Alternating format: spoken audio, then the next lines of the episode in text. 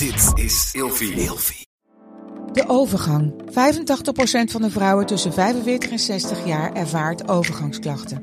Klachten die kunnen leiden tot een verkeerde diagnose of langdurige arbeidsongeschiktheid. Wat kun je doen als je overgangsklachten ervaart? Hoe maak je dit bespreekbaar op je werk? En als jouw medewerker bij jou komt, wat kun je als werkgever dan doen? Sector Instituut Transport en Logistiek heeft een kennisplatform ontwikkeld waar jij terecht kunt voor tips en adviezen. Wil je hier meer over weten? Kijk dan eens op stl.nl/slash overgang.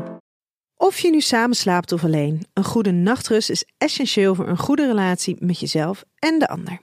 Emma Sleep komt nu dan ook met een hele fijne korting, waardoor je koninklijk kan slapen. Met de code RELATIEVRAGEN in hoofdletters krijg je 10% korting bovenop de 50% korting die je nu krijgt op het bed dat ik bijvoorbeeld heb.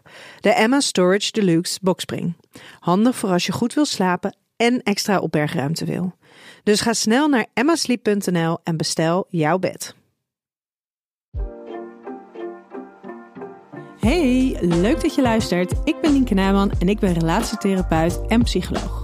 Je kunt me kennen van mijn podcast Seks, Relaties en Liefdes of van mijn boek De Relatie APK. Vandaag beantwoord ik de volgende relatievraag. Kan ik mijn partner vergeven voor iets dat hij heeft gedaan? Als het gaat over vergeving, dan hebben we het eigenlijk over iets wat je voor jezelf doet.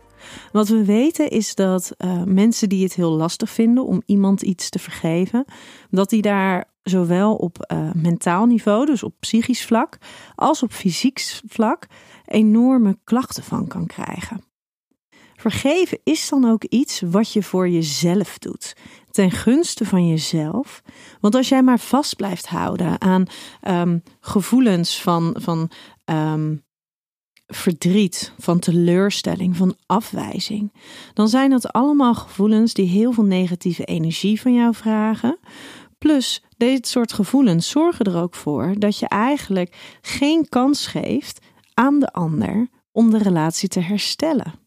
Dus ook al is de situatie al lang geweest, ook al zijn er een heleboel andere situaties geweest waarin um, nou ja, betere intenties zijn gebleken, waaruit bleek dat de ander wel um, aan jou denkt en wel heel erg veel van jou houdt, dan maken we het onszelf heel erg lastig door vast te houden aan de situatie waarvoor we onze partner niet willen vergeven.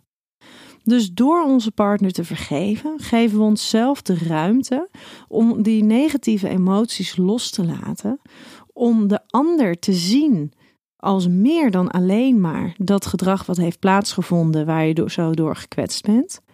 Plus je gunt jezelf de kans om de relatie weer op te bouwen en daarin juist ook de mooie en de prettige emoties toe te laten. Dus daarin vergeef je een ander niet zozeer voor de ander. Uiteindelijk heeft hij er uit, natuurlijk ook wel uh, profijt bij. Maar je doet het vooral voor jezelf. En dat het voor je eigen fysieke welzijn, voor je eigen mentale welzijn, voor je relatie, het voor jou heel erg goed is en het jou heel veel kan brengen. Uiteindelijk ook veel meer dan dat het de ander brengt. Maar zeg je dat het altijd mogelijk is om je partner te vergeven voor iets dat hij heeft gedaan of zij?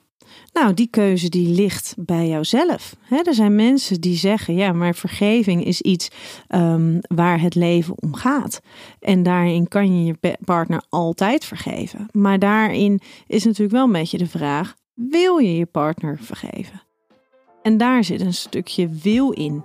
hoeveel compassie, hoeveel empathie heb jij naar de ander toe? En waar liggen jouw eigen grenzen?